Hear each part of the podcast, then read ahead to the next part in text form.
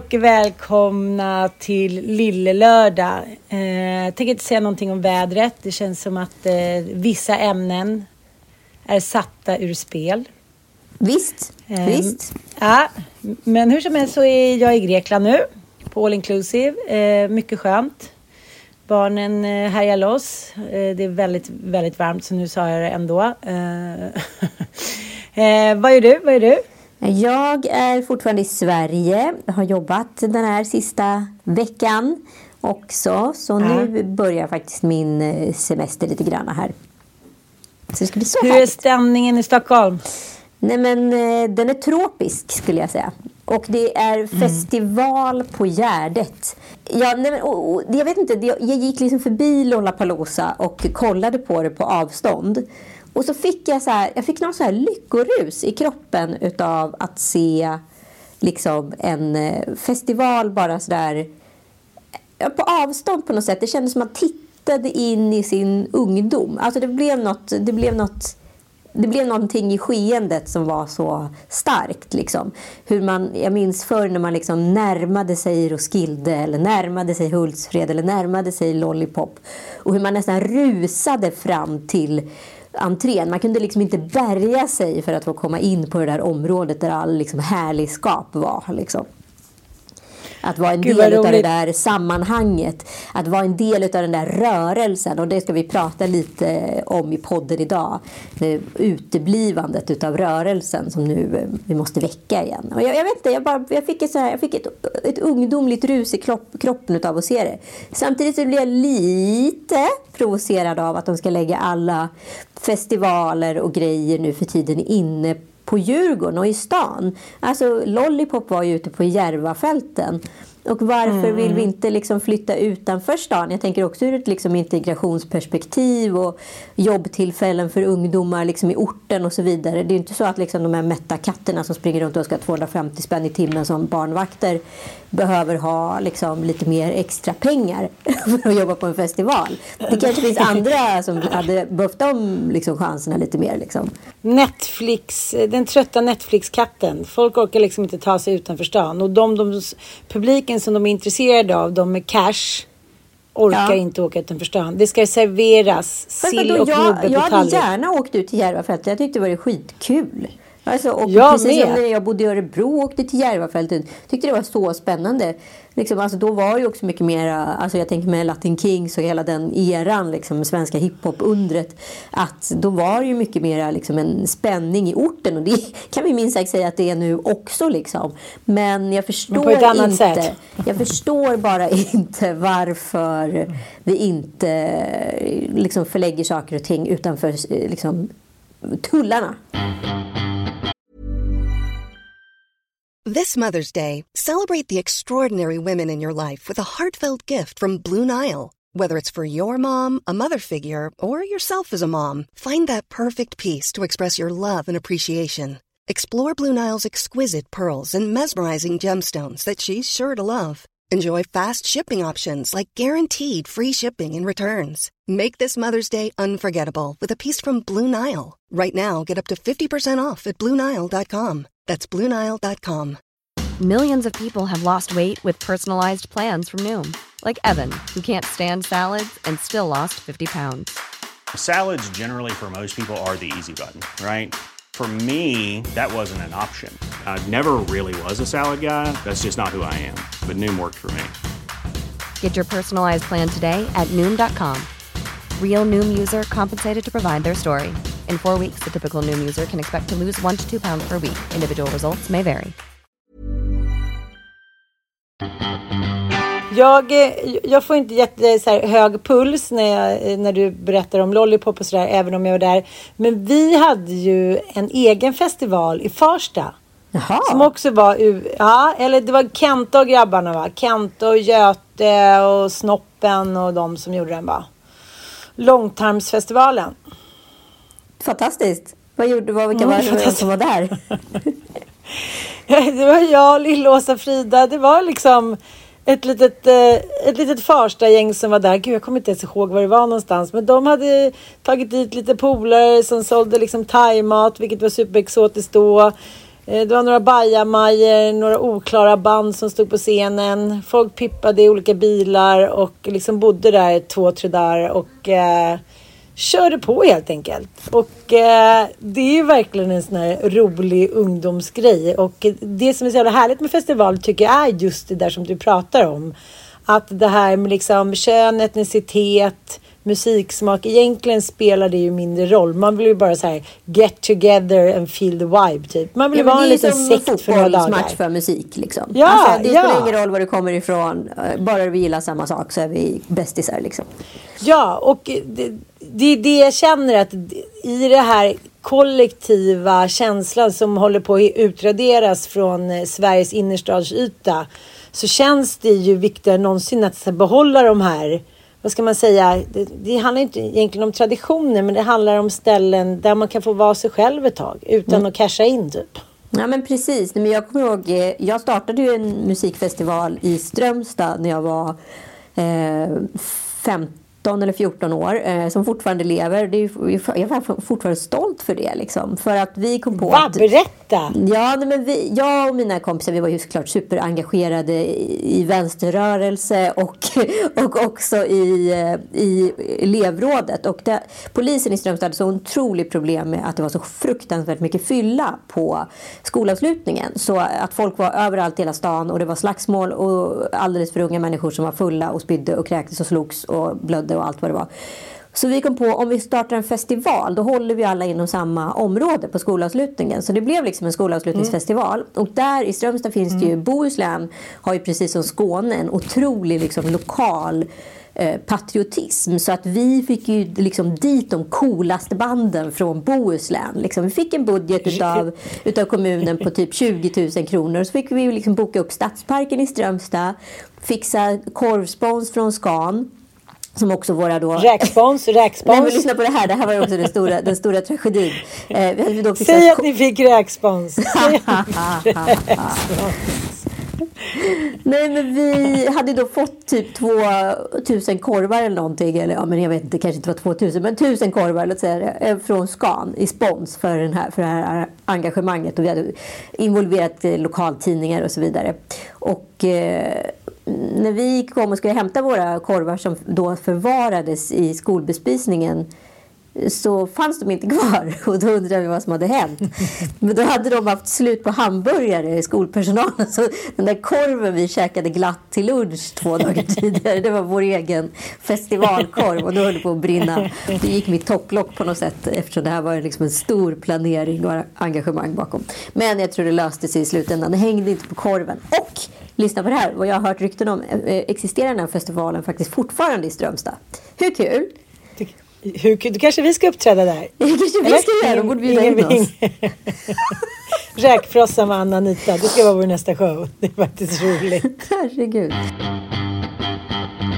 Nej, men jag kan liksom uppleva att den här eh, lokalpatriotismen som man ser väldigt tydligt liksom i Skåne, i Göteborg, Bohuslän. Alltså, den är, är liksom lite utraderad i Stockholm eh, och det har Ja. den ju faktiskt alltid på något sätt varit. Vi är liksom lite svårt för att vi är skitstolta Stockholm men vi vill ändå inte riktigt stå för någonting. Förstår du vad jag menar? Vad är det vi är så stolta över hela tiden? Nej, men vi, har, Skärgården? ja, Alltså, men vi vadå? vet ju inte. Det är ju liksom, det är rätt jobbigt att vara för att så här, man vill inte vara liksom patriot för att då det kan ju klinga illa liksom.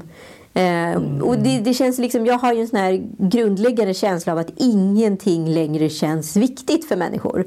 Att, att så här, Nej, ingen bryr sig. Och jag tror det hänger ihop med den här sociala medie liksom, generationen som liksom får allting gratis. Vi är Netflix, vi bara tittar. Det är bara någon som matar oss med underhållning. Vi förstår inte ens hur mycket jobb som ligger bakom ah, någonting. Spotify, att allting är liksom... Det är ingen som liksom längtar efter en fullängdsskiva längre. Vi bara längtar efter en låt om vi ens längtar. Alltså allting har ju liksom blivit från hett till knappt ens ljummet. Alltså pissljummet skulle jag säga. Och det här för är... fan, liksom- ja, ja. och det här är liksom, det här är en folksjuka. Alltså jag tror att vi måste liksom skapa någon form av så positiv patriotism. Och liksom, idag är det väldigt lätt för en eldsjäl, men exempelvis vår kompis Johanna Levin och Johanna Aibar som har liksom startat det här Fem Open som började som en liten paddelturnering för tjejer. Liksom bara för att säga vi ska göra någonting vi brudar också och vi har hittat en sport som vi tycker är kul. Och så körde de ett par gånger i Stockholm och så växte det här och ganska snart så var det en folkrörelse och nu är det liksom en, en nationell paddelorganisation eh, liksom, vilket är helt sjukt med bara brudar. Um, Alltså det är så lätt idag. Jag hörde om någon annan kille som har någon sån här go-kart-turnering som började liksom som en liten, eh, ja men du vet en liten hobbyrörelse med liksom några polare som åkte go-kart och nu är det liksom också en nationell tävling liksom, en gång per år. Vilket är så jävla kul. Och, och om man nu vill vara liksom riktigt smart och påt idag då ska man skapa någon form av folkrörelse för att det hänger bara på att någon gör någonting så blir folk så jävla mm. glada. Idag är vi för lata. Men är det liksom det nya, är det kapitalismens Friskis och Svettis? Man måste ändå kunna casha in lite men det ska ändå vara samma anda som det så gamla goa förenings-Sverige. Jo fast jag tror att grej, grunden med de här ambitionerna som jag precis nämnde det är ju att de aldrig haft ett vinstdrivande syfte. Idag ska ju folk liksom göra en app eller knappt göra en app och casha in för att de får någon jävla investeringsslant och eller befinner sig i rätt sammanhang på rätt plats plats och så vidare. Mm. Och så är man liksom en techmiljonär rätt fort. Liksom. Men, men grejen är ju så här, jag har ju liksom min teori. Om ingenting tar spjärn ifrån kul, då kommer aldrig pengarna. Om du börjar med fokus pengar, då kommer det inte komma några pengar. Liksom. Då kommer det inte kul. Utan så här, du måste ha det här liksom brinnande engagemanget utav, med spjärnet från kul. Där då har du skapat någonting magiskt oavsett om det är konst eller musik eller en rörelse, vad det nu än är. Liksom. Eller, ja, du fattar vad jag menar. Ja, men jag fattar, men jag tror att det är därför också man inte pruttar och kiss och bajsskrattar på samma sätt som jag gjorde åt humor för kanske 10-15 år sedan. Sen menar inte jag att så här, Little Britain eller Smack the Pony. Jag menar inte att allting har hållit och jag, det finns liksom hejsan svejsan. Det är också roligt att du bara har två referenser i humor och det är brittisk rätt. Nej, men, men, du vet, jag vet inte, det är kanske åldern också, men du vet när man bara så garvar så mycket så att man skrek och ja, tjöt när man kollar på TV.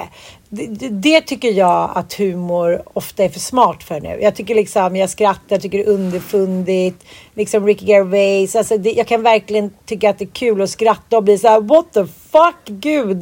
Det där är så smart, det är så liksom, han är så på det. Nej, nu för liksom, det är mer skämskudde än vad det är liksom hjärtligt buskisskratt. Förstår du ja, vad jag menar? Precis, ja, precis. Det där som bara får en att ja, men ligga på golvet och liksom vrida ja, sig. Så som man, precis, så som man kan vara med sina liksom ja, men så som man var och fortfarande kan vara med sina tjejkompisar när man här, bara går in i en loop och börjar liksom skratta åt någonting. Jag tänkte på det, det var så otroligt roligt. Vi var ju på semester med Frida Urban. Frida är ju liksom en av mina närmsta kompisar. Vi har känt varandra sedan första ring. Och hur skönt det är att man bara liksom bara kan loopa på vågorna när man har känt varandra så himla länge. Och vi började skämta om att det skulle göras en tv-serie om Mattias, min Mattias Johansson, som helt plötsligt blir Matisse i Frankrike. Jätteroligt. Men, och så vet efter några glas. Han är inte ens missförstådd, han är bara felförstådde. Ja. liksom konstnären. Ja, han är liksom, han, han är en stark kulturpersonlighet. Ja. Han målade lite moln och sen var det Och bra. så blev det liksom, ja så kom Ossian in och bara banan på väggen typ. Han bara så här tejpar upp olika bananer överallt och det blir så här uh, Matisse, Johansson. Jag tror det är väldigt svårt att så här, översätta liksom så här, väldigt nära tjejrelationshumor till liksom ja. stora massan. Men jag tror alla kan få lite bilder framför sig. Att det här är väldigt ja. kul för några som känner varandra väldigt ja, jag, bra. Men jag tänker också det här med att liksom känna den där kollektiva liksom viljan att allting inte ska vara för ens egen vinnings skull. Liksom. Och jag tänkte faktiskt på det när vår kära älskat hata-objekt Glenn Hussein. Han är mm. i Polen nu och, och jobbar på fotbollsprojekt. Och han skrev då en krönika i Göteborgs-Posten, Vad annars? Att liksom, nu får vi sluta att så här, skälla ut midsommar. Bara för att man älskar midsommar och gillar sill och nubbe och dansa små grodorna. Det betyder inte att man är Sverigedemokrat. Nej. Ja, Och då tänkte jag så att de här politiska strömningarna har liksom på något sätt lagt en skambåge över mycket av det som vi tycker är patriotiskt och svenskt liksom. Och jag, jag, tog åt mig lite och jag skämdes. Och det har varit flera sådana krönikor. Alex Schulman skrev bland annat så här, men gud vad skönt nu, med, kanske vi slipper liksom dansa kring den där blomsterkuken. Och ja men du vet, slipper liksom kramas och eh, silla och nubbe hit och dit. Jag kommer ihåg Kristoffer Ahlström skrev för några år sedan så här, gud varför är det sån skam att sitta ensam på midsommar så här. Låt oss slippa slippa de här liksom folkfestivalerna där vi ska umgås. Och jag känner precis, precis tvärtom. Jag läste en väldigt intressant serie i Svenskan härom veckan och den pratade just om så här vi har ju liksom en uppbyggnad i samhället av barn, vuxna och gamlingar. Och gamlingar är så jävla viktiga för de ska lära de unga och barnen traditioner så att de inte dör ut. Mm. Jag har liksom inte kanske tänkt på det på det sättet. Men det, Nej, men det har ju varit någonting... en era där liksom unga, både tjejer och killar har skrikit väldigt högt och fått rätt. För att de har varit så aggressiva i sitt anspråk så att man liksom inte har orkat. De har vetat bäst och veta bäst-generationer är ju alltid rätt eh, självutplånande på något sätt. För att de har ju inget intresse av att ta in eh, liksom, kunskap från någon annan. Att någon annan eventuellt skulle kunna veta lite bättre på grund av livserfarenhet. För att de har ju liksom då lärt sig någonting teoretiskt och så är det så i praktiken. Fast det kanske inte riktigt är så. Eh, och det är ju skitviktigt med de här generationsbryggorna. De är ju avgörande. Ja, och det är ju ändå så här om man ska få någonting som blir riktigt härligt då måste man ju planera det. Då måste man engagera sig. Om en fest ska bli rolig, som din 40-årsfest till exempel, ja då krävs det liksom månader av planering. För annars blir det inte särskilt härligt. Och det är det som jag tror, inklusive liksom jag har i och för sig alltid varit sån så jag kan inte säga att det eh, handlar om kanske någon trend. Men att om man liksom inte planerar och är struckad, engagerar sig och lägger ner hela sin själ i saker. Nej men då blir det ju lite sitta lite liksom på plaststolen och vicka på rumpan och ta en gash och liksom skåla i en folkölsburk. Och det har ju liksom ingen jävel blivit lyckligare av. Ja, men man kan ju inte vara sur på företeelsen midsommar. Midsommar är ju upp till en själv att äga. Alltså jag och Joel gjorde ju liksom ja. en niokamp i år. Vilket var så, blev sån hysterisk jävla jättesuccé. Med allt från liksom gamla klassiska stövelkasten till rätt nya, moderna, vad ska jag kalla det för, bäst i test-lekar. Liksom. Och allt däremellan. Och liksom att man blandar då det gamla, inte är rädd för att doppa penna i flaska med snöre liksom, till att, till att våga liksom juckas under en ballong på sin partner. Alltså, då blir det väldigt, väldigt roligt. Och jag tror att så här, det är den här mixen man måste våga. Jag är ju fan med Glenn Hussein. Jag tror ju liksom att så här, midsommar löser inte sig själv. Man måste lösa midsommar. Ja, men jag tänkte också när jag och Mattias åkte Vasaloppet. Så tänd och het och underbar tycker jag ju inte att han har varit på flera år. Liksom. När jag såg honom med lilla Noppeduni i den här liksom tajta dräkten och han körde på där och var liksom svettig och frisk och skäggig och liksom Ja men du vet, frostig. Vi var så lyckliga liksom typ en vecka efter vi hade så här, åkt Vasaloppet. Det var vår största typ sextändare senaste typ 24 månaderna. Ja, men alltså, fantastiskt. Bara att man, Ja, ska vi lyssna lite på Glämpan nu då när han eh, dansar ringdans i Polen? De styr upp själva de här gubbarna. Du bara hänga på. Kolla, kolla på dem. De är helt sjuka allihop. Vi har det så bra för Andersson och Pettersson och Lundström och jag. Ja, det trodde inte vi att vi skulle sitta här och hylla Glenn Hussein. Nej, men, det hade jag inte sett framför mig. men, men Glenn Andersson har att... precis kallat Glenn Hysén Bergman för inte allt för länge sedan i ett avsnitt. Så det har hänt. Men, jag tänker så här, det är ju väldigt roligt. Jag tror inte att många ungdomar idag kanske tänker på var traditioner kommer ifrån.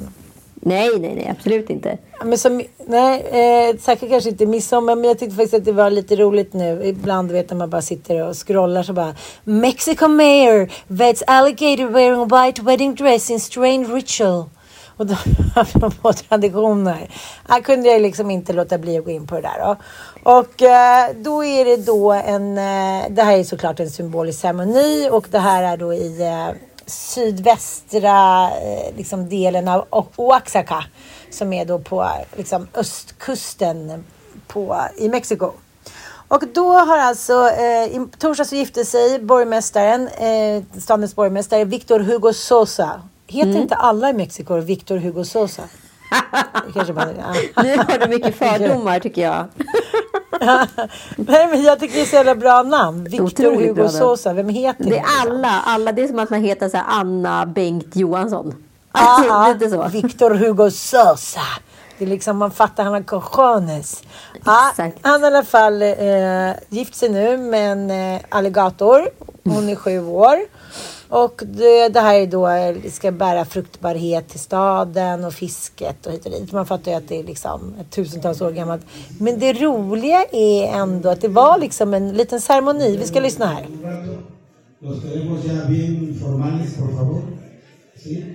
Eh, muy guapos, guapas. Sabemos que se van a casar mujer con mujer, pero no importa, eso ya está libre. Ja, men det där lät ju spännande. Det var väl ingen som fattade någonting eller? Nej, men det var lite tal här då och sen så tackade borgmästaren ja.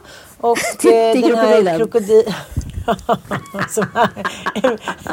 om ni kollar på Lille Lördag, om ni kollar på vår eh, Instagram så ser ni då den här eh, The Alligator som faktiskt har en vit bröllopsklänning.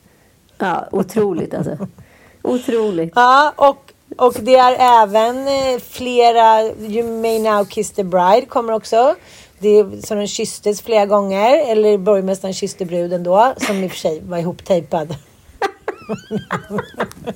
Det önskar nog många män att deras kvinnor var.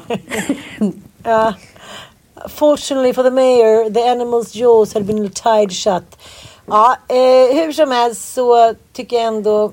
Jag vet inte, hur det, det, undrar låter hur det här perspektivet är från liksom, krokodilen att hamna i det här sammanhanget. Och liksom klä sig i klänning, få munnen tejpad, i en ceremoni, massa människor, musik. Alltså, vad, vad, vad är det den upplever i det här? Det skulle jag vilja veta. och sen var det liksom, eh, sen gick man då genom stan. Borgmästaren gick och bar sin alligatorfru och det var festivos och eh, liksom glädje. Ja, hur som helst så det, det, handlar ju såklart om att det här är liksom ingenting som, eh, ja, som kanske ja, av tradition känns modernt idag. Men eh, men de bad ju om mer regn för liksom att man skulle få tillräckligt mat för liksom hela byn. Att det skulle finnas mycket rikligt med fisk i, liksom, eh, i sjön och bla bla bla. Jag menar bara att så här, det är någonting fint, någon sammanhållning precis som midsommar eller jul. Och jag sa också precis så här, gud vad skönt, för vi var ju på Mallis. Så skönt nu att slippa midsommar. Liksom. Det är inte min favorittradition.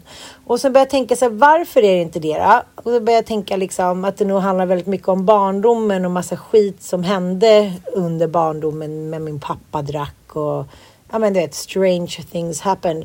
Så att jag har bestämt mig för att jag ska, så här, jag ska skapa min egen midsommar nästa år och jag ska gå all in. Nej, men vi gjorde ju det i år. Alltså, det var så kul. Och det var knappt någon alkohol inkluderat heller. Mer än liksom vanlig alkohol och kanske en snaps till lunchen. Men inte mer än så. Liksom. Och det är alldeles, alldeles lagom. Det är mycket roligare att fokusera på lekar och sammanhang och sammanhållning. Liksom.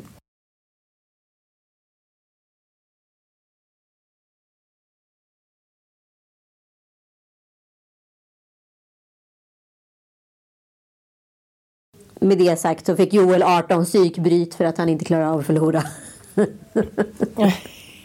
Sommarjobbaren fick psykbryt. Nej, men jag, jag, kommer på, jag kommer på min nya smygfilm på Joel. Det här är ju så hemligt för alla som, som alla, för alla som lyssnar på podden. Jag får inte säga det här till honom.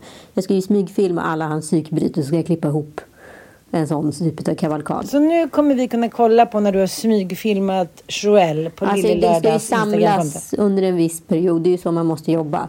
Liksom, så det kanske måste samlas hela den här semestern på olika typer av psykbryt. Det kommer det klippas upp en ny sån här favoritkavalkad med hans olika psykbryt istället för gnäll. Men vad är det som händer då? Ni är liksom ni är själva familjen. Det är inte liksom några konkurrenter inbjudna. utan Det är så här, det är hans familj, det är du.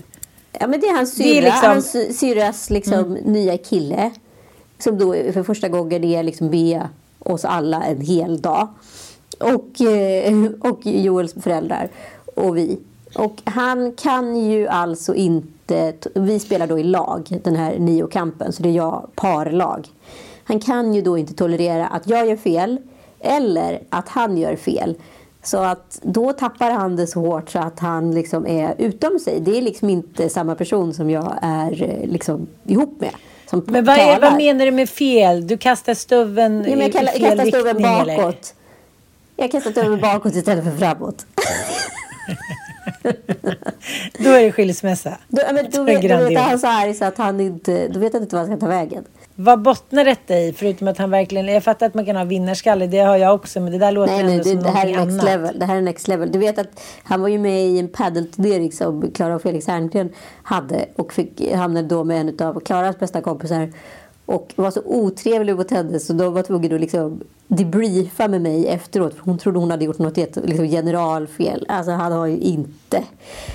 Han är liksom inte okej i tävlingssammanhang. Så han får inte vara med i några såna här grupptävlingar nu längre om det inte är familj inkopplat. Om alla Men vet jag, hur jag han- tänker, där alla älskar honom ändå. Exakt, det är liksom som en avart. Det är som han som så sitter uppe på rummet och grymtar och kommer ner en gång per år. Han är så inlåst på vinden. Han hade ju alltså på fullaste allvar, han hade alltså på fullaste allvar när, ja, det här var ju när hans syster då var i tonåren, hade med någon kille hem. Och så hade de spelat kubb, det var väl också sommartid I guess. Och då hade den här Ah. pojkvännen då gjort ett helikopterkast och Joel hade då fått någon form av psykbryt på den där stackars killen och sen gått upp och satt sig på rummet och stannat där hela kvällen. Ingen tyckte synd om honom. Han bara, ska ingen komma och hämta mig? nu?" Ingen Nej, pratar om det, som, ska heller, jag- som att det är något onormalt. Utan man bara låtsas som att det, det här bara... Ja. Du vet, man ser den här familjen som är så, så här, nermejad av hans usla tävlingshumör. Som liksom har... Ja. Liksom, du vet som man är lite när man, man själv var småbarn och man liksom inte hör att de pratar oavbrutet. Lite så Mm. seglar de liksom förbi hans hysteri. Alltså det är ju en galenskap som pågår där borta. Liksom. Och han, och ingen, Familjehemligheten. Ja, familjehemligheten. Ingen bryr sig. Det bara liksom pågår. Och sen så låtsas man som att ingenting har hänt. Och så får det vara en val. Liksom. Gud vad roligt. Otroligt. Så Under tiden jag är så här, hur kan en människa bete sig på det här sättet och komma undan Ja. med det? Det är som att de inte förstår Ta vad man bort honom säger. från arvet. Typ genskjut honom i nästa korsning. Exakt. Men jag tycker ändå det är konstigt det där. Det finns ju nästan ett sånt beteende i varje familj. Ja. Som liksom bara får segla förbi för att man, säger man orkar inte. Man säger väck inte den björn som sover. Men det är ju egentligen ganska absurt.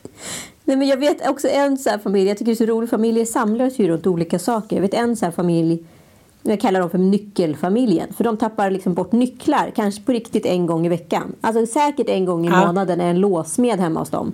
För att någon säger, man bara, så, Ja. men varför har ni inte bara ett kodlås? Det skulle liksom göra ert liv så otroligt mycket lättare. Det är alltid någonting med nycklar som är borttappade med den familjen. En annan familj har alltid någonting med bilar. Det är alltid något problem med bilen. Ja, ja, bilen fattar, är utlånad till fel familjemedlem och sen har det gått sönder och sen är den på verkstaden. Alltså det är alltid ett bilproblem. Och här i den här familjen så finns det ett tävlingsproblem. Men gud vad roligt. Så jag tänkte på det när, när, innan vi skulle åka nu här till Grekland. Och Sanna var så här. Nej men gud, nu har liksom Ingalids hund fått eh, någonting. Någon eh, infektion i vanlig ordning. Och så alltid de där liksom stora jävla hundarna som man ska ordna någon barn, barnvakt. Hundfamiljen. Nej men det är så här två elefanter. Man bara knackar på hos grannen och säger. "Hörru, Vi ska åka med Tui en vecka till Grekland. Är det okej om du bara kollar till elefanterna? du vet man kommer in. Lämnar man dem en timme. Man bara säger okej. Där var Svenskt Tenn-soffan. Där var bordet. Nej men du vet det är så stora jäkla hundar. Det är så här, det är panik, det är hundarna. Kazak. Ja, eh, roligt, roligt, roligt, roligt. Vad har Men, ni då? Vad har ni där eh, för någonting? Ni måste ju ha någonting. Det, det är ju någonting med tider Ja. känner jag. Någonting med Ja, tider eller det- någonting med mat. Det känner jag starkt. Men det är inget roligt med tider. Det ska ju vara någonting, så här, något fys. Det ska ju vara ett objekt. Det är jätteroligt det där med nycklar eller bilar eller hundar. Hur, ja, men, ni- jag, vet vad det är, jag vet vad det är. Jag vet vad det är. Kaninerna, ni, ni, hamstrarna, Ni men- flyttar, ni flyttar hela tiden. Det är någonting med hem. Ja, men- Det är någonting med hem. Ja, men det kanske det är någonting som ska flyttas. Det är någonting- det, nej, det, nej, det är alltid ett shoreguard som ska flyttas. Det är sant. Det är sant. Och det är också alltid någonting. Man bara, vad är, bak, vad är våra bakmaskiner? Så här? Någon måste, det är alltid så här, någon har snott någonting från ett shoreguard. Det är faktiskt sant. Ah, ah, herregud, verkligen att du roligt. alltid har en flytt pågående liksom i ditt liv. Ja. Någonstans är det alltid Ja. liksom ett shoreguard-förråd som ska fyllas på eller tömmas eller flyttas. Åh Ja, herregud jo, det är vad roligt. sant. Det är sant. Väldigt roligt. Åh, värmebölja, värmebölja, värmebölja. Men vänta nu, nu, du har varit på Mallis och nu är du Ja. alltså på Rhodos. Precis, där jag förlovade mig för första gången med Alexandre Oj. från Deutschland när jag var fem år. Det är mycket tyskar i ditt liv måste jag säga. Ah, Deutsche ah, gud, jag, har liksom, jag har ett eh, bröllopsfoto, det har jag. Det har jag. Eller förlovningsfoto. Men alltså jag måste ändå säga att det har varit väldigt liksom, lite bilder för att vara dig på en semester. Men jag vet och jag har liksom själv analyserat det där lite. Nu är ju jag och Sanna på vår årliga, eh, liksom när vi får till det när det inte är några hundar, barn eller ja, sjukdomar. Så är vi på vår årliga sommarvecka ju med barnen. Ja, just det. Av olika, ja, och det kommer ju till nya och det är kompisar hit och dit. Men nu åker vi på en sån här klassisk eh, all inclusive vecka med TUI. För det gjorde vi för tre år sedan och då insåg vi att det var första gången vi inte har kommit hem utbrända. Så då gör vi det. Och då kommer det såklart tas lite bilder hit och dit. Men jag reflekterade, vi har ju varit borta i tio dagar nu. Och eh, jag tänkte så här, varför, har jag lagt, varför lägger jag ut så lite bilder? Ja. Och så känner jag så att det är någonting som har vuxit i mig senaste månaderna. Att jag får liksom inte samma... Jag, det är någonting i mig som inte vill. Eller det kanske, det kanske är en blandning av allting. Att jag är trött eller utmattad eller tycker inte liksom att, att, jag menar att allting är så festligt kanske. Jag vet det kanske är en blandning av no, allting. Men, men det är någonting, det är någon, någon liten gumma i mig som inte vill hålla på och spexa och lägga ut bilder på barnen och hit och dit. Och jag ser att det blir tråkigt på Instaflödet. Jag ser ju liksom att mina texter är lite så här... Det är ungefär som att jag känner för kanske att leva lite mer i mitt eget liv än i Instagram-livet. Och det är ganska befriande. Ja, men alltså, Och du med! Du är ju Ja. värre än vad jag är. Det kan ju gå tre dagar utan att du lägger ut en Instagram-bild. Ja, det vet. Det är helt sjukt. Nej, men jag, liksom, Mm. jag, jag tror att jag och Carina Berg har gått liksom varandras motsatta riktningar när det kommer till sociala medier. Ja. Hon har ju alltid haft extremt hög integritet och jag har liksom aldrig exponerats någonting med barn och så vidare. Och nu helt plötsligt då när hon har småbarn så är det ju liksom allt från nerspydda kläder till typ bajsade blöjor. Ja, men inte riktigt. Ja, men du förstår vad jag menar, metaforen i alla fall. Eh, och otroligt bjussig. Eh, och jag undrar lite vad det är som har hänt med oss. Och så funderar jag på då, och så tänkte jag att så här, den era som faktiskt funkar bäst för sociala medier, där man kanske också måste ha, vad ska jag kalla det för, kameraperspektivet på vissa saker ibland för att det är så mycket galenskap som pågår under småbarnsåren. Det är ju just eh, perfekt att ha då Instagram, att kunna posta och dokumentera och liksom få ett engagemang eh, på, på vad som händer i ens galna familjesituation bland följare. Men Karina hade ju liksom en rätt stor pojke innan hon fick de här småbarnskullen. De Ja. är ju inte så Som också har varit väldigt hemlig. Alltså, Ja, de har ju knappt ens visat honom. Nej, men och det har väl ingenting med någonting att göra. Men liksom, jag tänkte, för att jag tänker mina egna barn tycker inte heller att det är så sjukt kul längre att, liksom, att jag postar och lägger ut. Liksom, utan jag får ju dubbelkolla allting. Och då blir det ju också naturligt att man inte springer runt med kameran i handen på något sätt. Eh, och jag vet inte, integriteten har ju kommit med barnens ålder på något sätt. Och jag känner ju inte heller något större ambition längre att så här, alltså i alla fall den här fasen kanske ändrar sig. Att exponera precis allting. Att så dela med mig av precis allting. Varför ska inte jag få ha en integritet som alla andra får ha? Liksom? Så att jag har ju gått från att ha liksom, haft noll integritet till att ha jättemycket mycket integritet. Och hon har ju gått precis tvärtom skulle jag säga. Och du är lite mittemellan någonstans. Men jag tror också att det har påverkat mig ganska mycket att mina barn har varit på mig ganska mycket. Särskilt de äldre killarna. Och sen är så här, okej, så ni ska ta en bild. För Frida är ganska så här, min kompis Frida, hon är ju ganska engagerad och tar filmer och, och skickar till mig och bilder och så här. Och jag, jag kommer ihåg att jag tänkt flera gånger under de här tio dagarna så här, men gud vad fina bilder hon tar och gud vilka roliga liksom, filmer. Lite som att jag så här, har tappat stinget. Förstår du vad jag menar? Ja. Eh, och, och särskilt när de stora killarna kom och sen är så här, men går det att leva ett liv utan att hålla på och ta bilder och filma hela tiden? Är, finns det någon möjlighet eller? Du vet ju hur han kan låta. Ja, ja. Ja, ja, jo. Men, men samtidigt så tror jag att det handlar om, jag tänker Karina Bergs kille, de har gjort massa tv ihop. De har liksom blivit tv-vana. Han är lite så här finurligt dansk, rolig och förstår inte svenska traditioner och det blir oftast lite knorrigt liksom. Deras unga verkar ganska så här fria och sköna. Hon är liksom med, hon har en, hon har en bra timing. förstår du vad jag menar? Jag känner så här, när vi är på semester allihopa, jag tror också att det handlar lite om tidsnöd för mig. Förstår du vad jag menar? Att ja, här, absolut.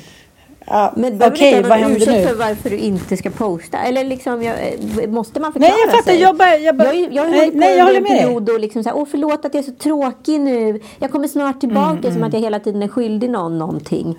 Men jag tänker, och jag, det är klart att jag tappar lite följare och jag känner så här samtidigt kan jag vara så här, ja men låt, låt så vara. När det kommer någonting så kommer det komma någonting bra å andra sidan. Ja, men det är det jag menar. Det, liksom, det finns ingen anledning att så här, krysta fram någonting bara för att man ska. Nej, och ett tag tänkte jag som ett så här socialt experiment med mig själv att jag bara skulle posta du vet liksom random bilder, typ som man tar i farten eller som kanske hade hamnat på en story. Alltså bara och lägga upp det i stora feeden och se om det skulle hända någonting med liksom flödet, om det skulle påverka flödet på något sätt. För alla har ju så jävla snygga flöden idag. Det är så sammansatt och det är så liksom... Jag vet, jag vet. Man skapar liksom, man formger liksom stora feeden som ett konstverk. More or less. Det är färgkoordinerat och ja, det är samma Nej, men liksom. jag vet. Det är Ja. för proffsigt. Ja, och jag orkar liksom inte med proffset längre. Jag orkar inte. Jag orkar inte titta på det. Jag tycker det är tråkigt. Jag vill bli inspirerad. Det- Jag vill se galenskap på ett härligt sätt. Jag vet. Och jag tror att det, det, när du och jag inte kan bjucka på det, då struntar vi hellre i det lite. Hellre så, ja. Eller hur? Ja. Men det är så konstigt, för jag har ändå så fått eh, eh, 400 fler följare senaste tiden. Är det sant? Vad fan har du gjort? Ja, jag, nej, jag vet inte. Jag bara kollade nu. Jag var så här, jaha, 100 till. Jaha, 100 till. Nej, jag vet inte. Så ja, gudarna måste vara tokiga. Jag vet inte. Men, men visst är det ganska skönt att inte känna den hetsen? Och ganska konstigt. Ja, men, otroligt konstigt och liksom, under lång tid måste jag erkänna för mig själv i alla fall så var det här kopplat med extremt mycket ångest. Liksom. Att så här, Ja, Gud jag är så dålig, jag kan inte leverera och varför är jag inte, varför kan, varför är inte inspirerande Mm. och liksom, alltså att jag var mycket så här, me, myself and I känslor liksom. Och Mm. sen nu bara kände jag så här fuck that, alltså på riktigt. Orka! Var- Varför ska man vara alla till lags hela tiden? Det tar ju bara, det tar ju bara knäcken på en. Jag, är liksom, jag älskar podden. Jag tycker att det är typ det roligaste Jag jag, gör. Och då, då liksom Ja, jag kan jag lägga allt för den. Men att hålla på och posta bara för att så här, please the audience. Och så är det någon jävel som ska fråga om man har köpt någonting som är två googlingar bort. Och så får man skit för det. Då är man så här, då kan jag lika gärna, då orkar jag liksom inte ens hålla på på riktigt. Bra, bra. Vi har mognat. Ja, vi kanske har det. Eller så är det bara en fas. If you're looking for plump lips that last, you need to know about Juvederm lip fillers. With Juvederm Volbella XC and Juvederm Ultra XC, your lip look, whether it's subtle or bold, can last up to one full year with optimal treatment and no additional maintenance. Find a licensed specialist and see if it's right for you at juvederm.com today. That's J U V E D E R M.com. Add fullness to lips in adults over 21 with Juvederm Volbella XC or Juvederm Ultra XC. Do not use if you have severe allergies or a history of severe allergic reactions, or if you're allergic to lidocaine or the proteins used in Juvederm. Tell your doctor if you have a history of scarring or taking medicines that decrease the body's immune response or that can prolong bleeding. Common side effects include injection site redness, swelling, pain, tenderness, firmness, lumps, bumps, bruising, discoloration, or itching. As with all fillers, there's a rare risk of unintentional injection into a blood vessel, which can cause vision abnormalities, blindness, stroke, temporary scabs, or scarring. For full important safety information, visit juvederm.com. Hiring for your small business? If you're not looking for professionals on LinkedIn, you're looking in the wrong place. That's like looking for your car keys in a fish tank. LinkedIn helps you hire professionals you can't find anywhere else, even those who aren't actively searching for a new job but might be open to the perfect role. In a given month, over 70% of LinkedIn users don't even visit other leading job sites. So start looking in the right place. With LinkedIn, you can hire professionals like a professional. Post your free job on linkedin.com slash people today. Vänta, damm, Elon, Elon, Elon! Jag ska bara kolla så att han smörjer in dem. Det fanns 65 grader. Vänta. Hey, hi, hi. Uh, good morning. Uh, good. No, you don't have to clean today. Okay, okay. Maybe you want any new towels? Uh, yes, some new, uh, sorry, some new towels. Uh, thank you. Elon, Elon, Elon. Älskling, jag måste bara fråga. Är de insmorda? Vilka barn? Ja. Jag har ingen aning. Jag har. Okej. Nej, jag hade inte gjort det eftersom... Ja, skitbra. Jag har lagt ner... Ta 50 på båda. Okej, tack snälla älskling. Oj, oj. Det där var ett klassiskt eh, semestersnack. Och städning på rummet och är de insmorda. Det fick med allt. Det var liksom... Nu, Ja, nu fick ni allt. Nu fick ni allt. fick med Nu fick ni allt live, Det live. var faktiskt en semester handlar om. Att smörjas in och få det städat. Det är ju bara Ska det man åka som en ål genom lakanen. Det är det du ska göra.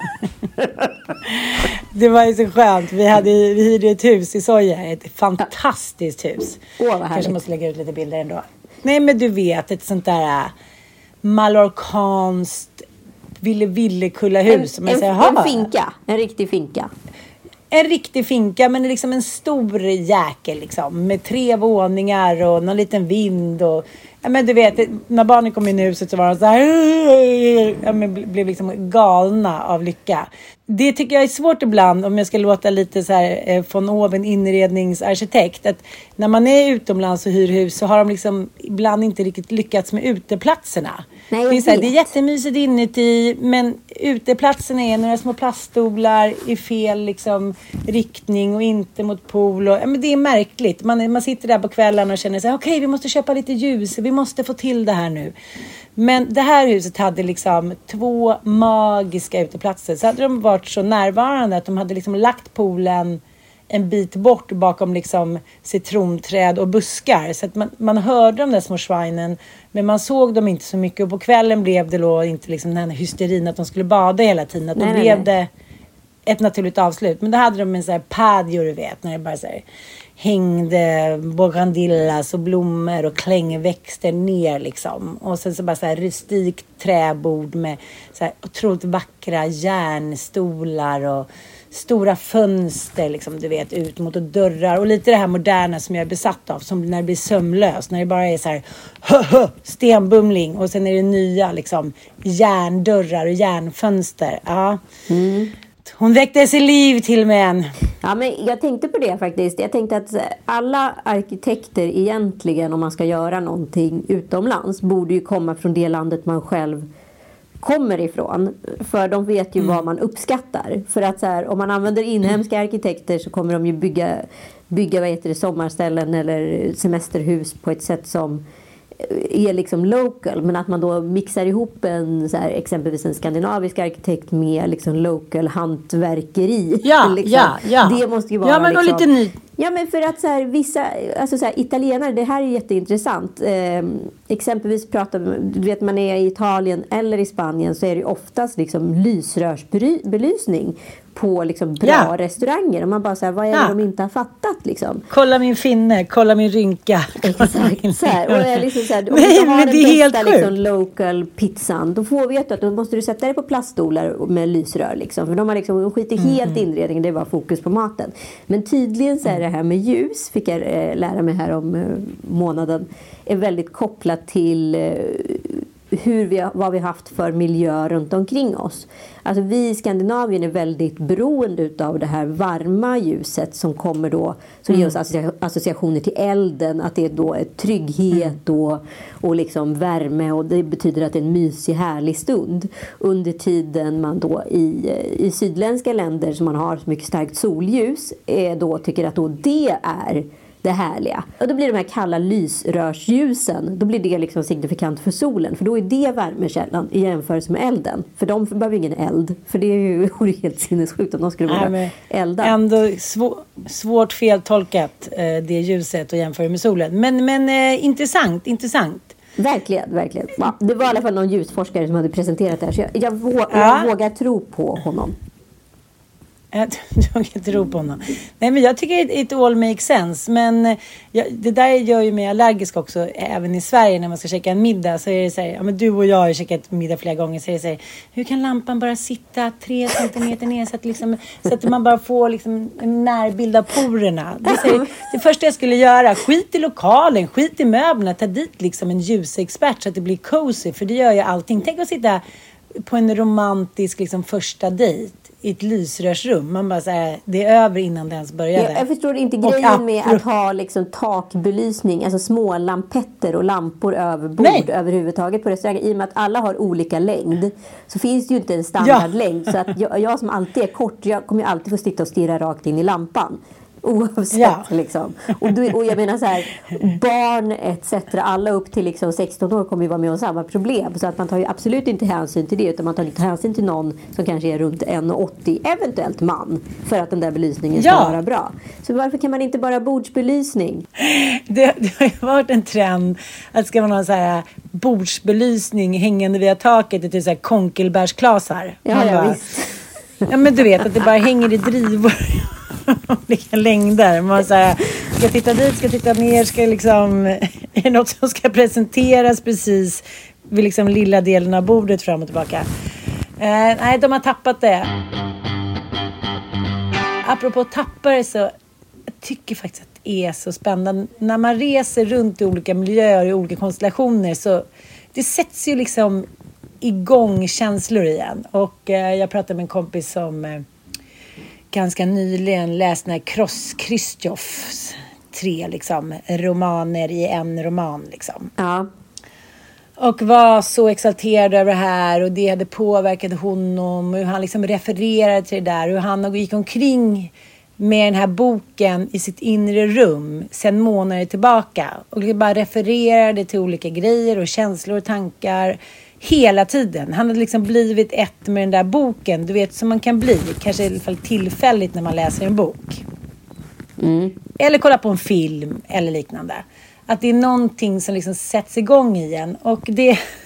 det ja, vi får ta fram den lilla skämskudden. Och kanske en liten violin. Nej, men satt vi på flyget och ja, men barnen sov och jag började läsa Siri Husvets bok. Den är ju jättegammal liksom. Jag har försökt läsa den i typ, 20 år. Eh, Sommaren utan män. Jag vet inte om du har läst den. Jag älskar titeln och jag vill direkt sno den för att skriva Sommaren med män om mitt eget liv. Eh, den här poeten då som det handlar om, eh, hon blir då eh, liksom pausad av sin man sedan typ 30 år tillbaka. Den liksom coole tjeckiske typ men, vetenskapsmannen som säger så här. Jag vill sätta relationen på paus. Han har Ja. knullat med sin liksom, assistent. Och hon eh, blir knäpp och får en liksom, eh, ja, men, total psykos och blir inlagd. Liksom. Så som människor kan få. Det är ju inte helt ovanligt. Liksom. Nej, nej, nej. Absolut Och inte. eh, ja, men ligger väl inskriven någon månad och sen anses friskförklarad. Och hon skriver dels om skammen att, att hamna där och att liksom vara på jag men, som det, jag men ett mentalsjukhus inlåst liksom med eh, den här själviska, egocentriska känslan man har när man mår sådär dåligt. Att man är så här, allting handlar om att överhuvudtaget kunna få ut liksom ett ugralt ljud och det kan bli lite vad som helst. Så här, eh, eller "Åh!" Du fattar. Så att jag läste den där och sen så fick jag feeling. Ja men du vet, man läser 30 sidor, man sitter och dricker Du är väldigt i dina glas- känslor när du liksom upplever saker. Det är mycket här Ja, nu. Mycket otroligt mycket. Ja, och jag känner så här, sätt mig bara, kör runt mig lite typ på någon båt så kan, så kan jag skriva tio romaner på en vecka, det är lugnt. Men då fick jag ju feeling och skulle skriva då ett kärleksbrev till Mattias. Nej. Ja, det skulle jag. Men alltså du Ja, det skulle jag. Ja, det skulle du. Efter ett litet sammanbrott under nu, ska dagen. vi också är se här. Nu ska vi också se. Sa du precis att du hade fått mens? Hmm, när var det här i tiden månne? Jag tappade lite, det gjorde jag. Jag tappade det lite på dag, Har vi dagen en, innan. Har vi en favorit i repris? Är det en PMS, eh, Ja. är en PMS special? Det kan det vara. Vi kan få lite musik till det också. blodet droppar, blodet droppar. Nej, jag tappade lite på flygplatsen och blev arg för lite grejer och sådär. Och sen så skämdes jag väl lite och så jag skrev förlåt. Att så här, förlåt att jag tappade det lite. Och det var liksom, jag bara blev stressad av det här med Ossian som skulle dit och vi som skulle flyga dit. Och så här. Jag bara kände att det blev lite mycket liksom. Mm, förlåt.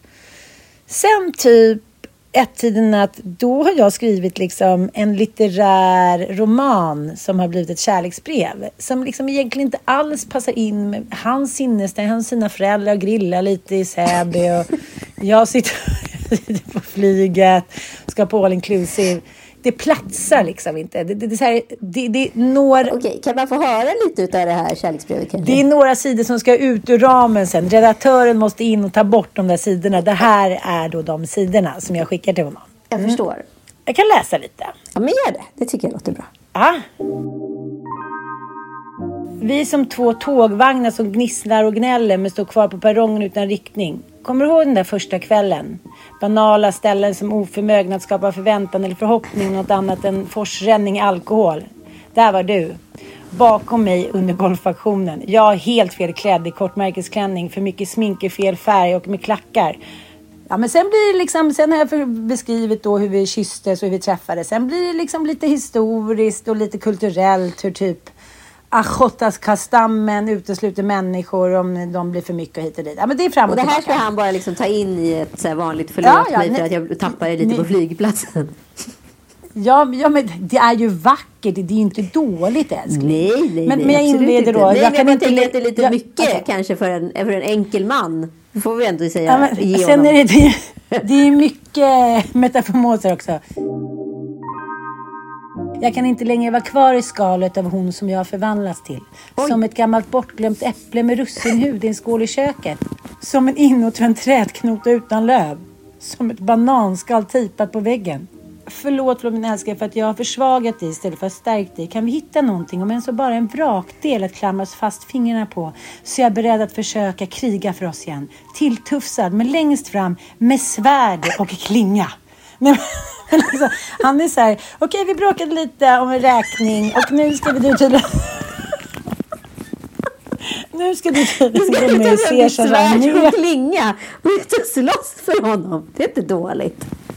Det är inte alla karlar som har en sån. Han fick, Han han fick ju plötsligt en valkyria som skulle ut och kriga där.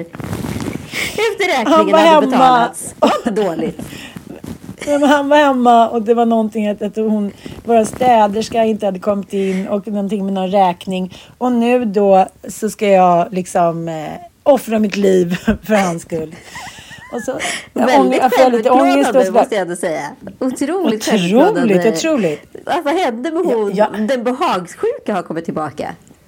Är hon behagssjuk igen? Jag var ju inspirerad Ja. av Husvet. Ja, Ja. Hon hade ju också skrivit något litet brev och sådär. Ett litet Men brev. jag får ju nu lite panik. Ja, när jag vaknar på morgonen så får jag såklart Ja, jag har skickat det här då på flyget som att liksom, det här vore en, en, en normal PMS-gärning. Och sen så vaknade jag till liv i morse och sa, nej men gud, kan, varför skickar jag det där? Han kan inte fatta någonting. Liksom en roman om typ kärlek som kan, ja, men det kan ju lika gärna handla om två andra människor i Vietnam. Alltså, han kan ju inte känna s- någon, han kan inte känna någon identitet när han sitter där, ligger i härbrett hos sina föräldrar. Det gick hon och runt med tre skäggstrån på hakan och skällde på mig på flygplatsen om en räkning och nu har jag fått en, mitt livs novell. Ja, årets roman. Och han, har inte svar, han svarade inte först. Jag tänkte så här, nej men gud, jag måste ju ringa. Men hur ska jag förklara det då? Han är väl ingen skribent? Ska jag ska säga, jag fick feeling efter jag har läst det. Ja, hur som helst, jag höll bara tyst, eh, gick upp åt frukost, nu fick jag svar. Så vackert och mitt i hjärtat. Har ni det bra? Är ni på plats? Vad ska han svara då? Tänk om du hade fått värsta novellen tillbaka. Hade inte du baxnat då liksom? Jo, men han får ju bara så här, okej, nu har jag... Ja. Hon Nej, fick en liten knäpp. Vet du vad han sa till mig när jag var hemma hos er sist? Då höll jag på att skratta ihjäl mig. Då, då, då tog han mig åt och sa så här. Ja, hon ligger ju där uppe i sängen ibland och så får hon liksom feeling. Och då kan det hända lite så här vad som helst där uppe. och då kan jag bara så här, jag bjuder in 120 personer på en födelsedagsfest. Jag ska köpa Ja. ett hus på Gotland. Jag skriver en kärleksroman. Jag ska göra slut. Han vet liksom aldrig vem han kommer upp till.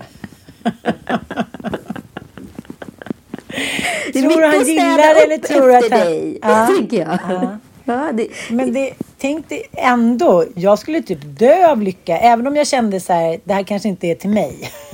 det kanske inte handlar om oss. men tänk om det var samma svar då? Och då hade du suttit och varit, hade du blivit recensenten som hade klivit in i så här, är det här tillräckligt bra material? Varför gjorde han så här jobbigt?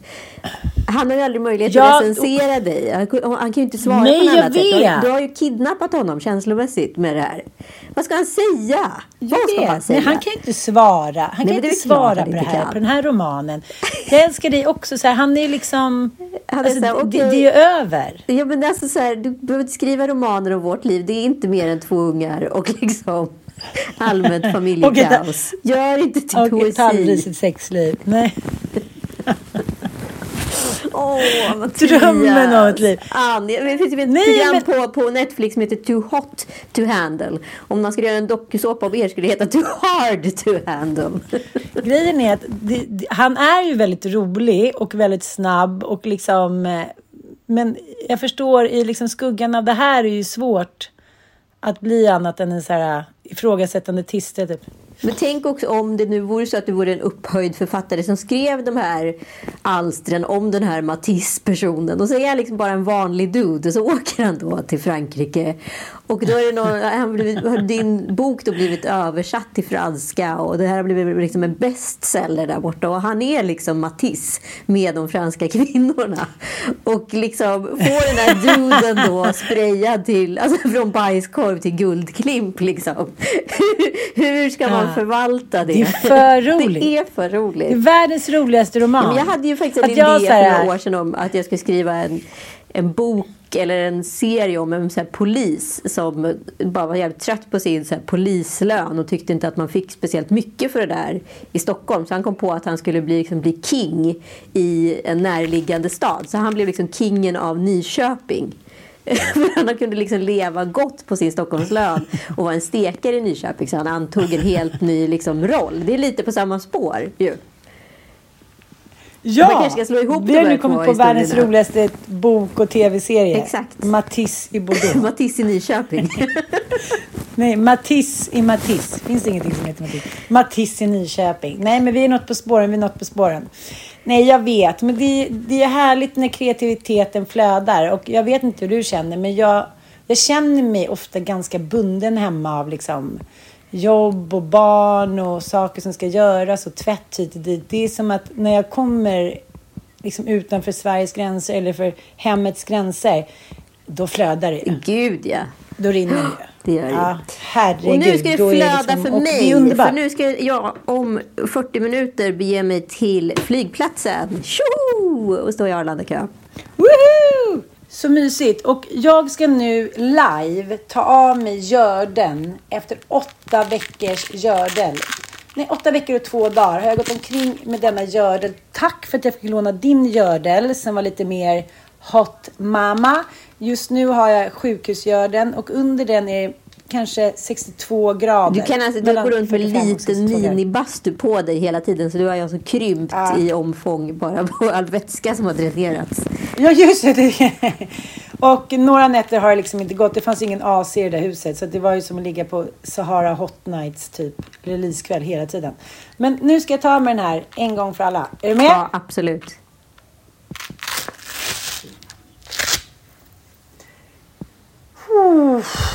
Hur känns det? Jag såg dock ingen gördel på några av bikinibilderna på Instagram. Men det, det kanske bara var temporärt. Nej, kanske inte.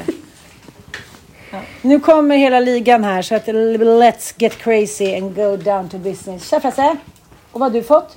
Pommes. Pommes, okej. Frukostpommesen, ni hör hur det går. Eh, det kan bara gå ut för. Ja. Underbart. Frukostpommesen är med.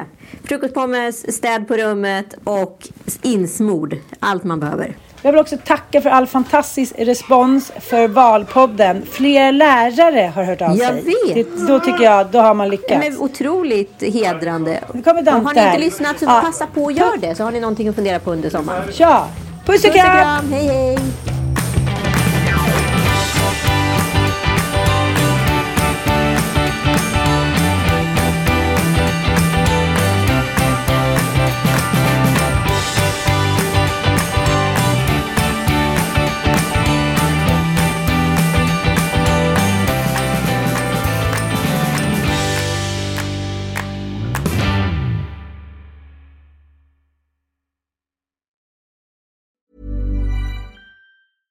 Cool fact a crocodile can't stick out its tongue. Also, you can get health insurance for a month or just under a year in some states. United Healthcare short term insurance plans, underwritten by Golden Rule Insurance Company, offer flexible, budget friendly coverage for you. Learn more at uh1.com.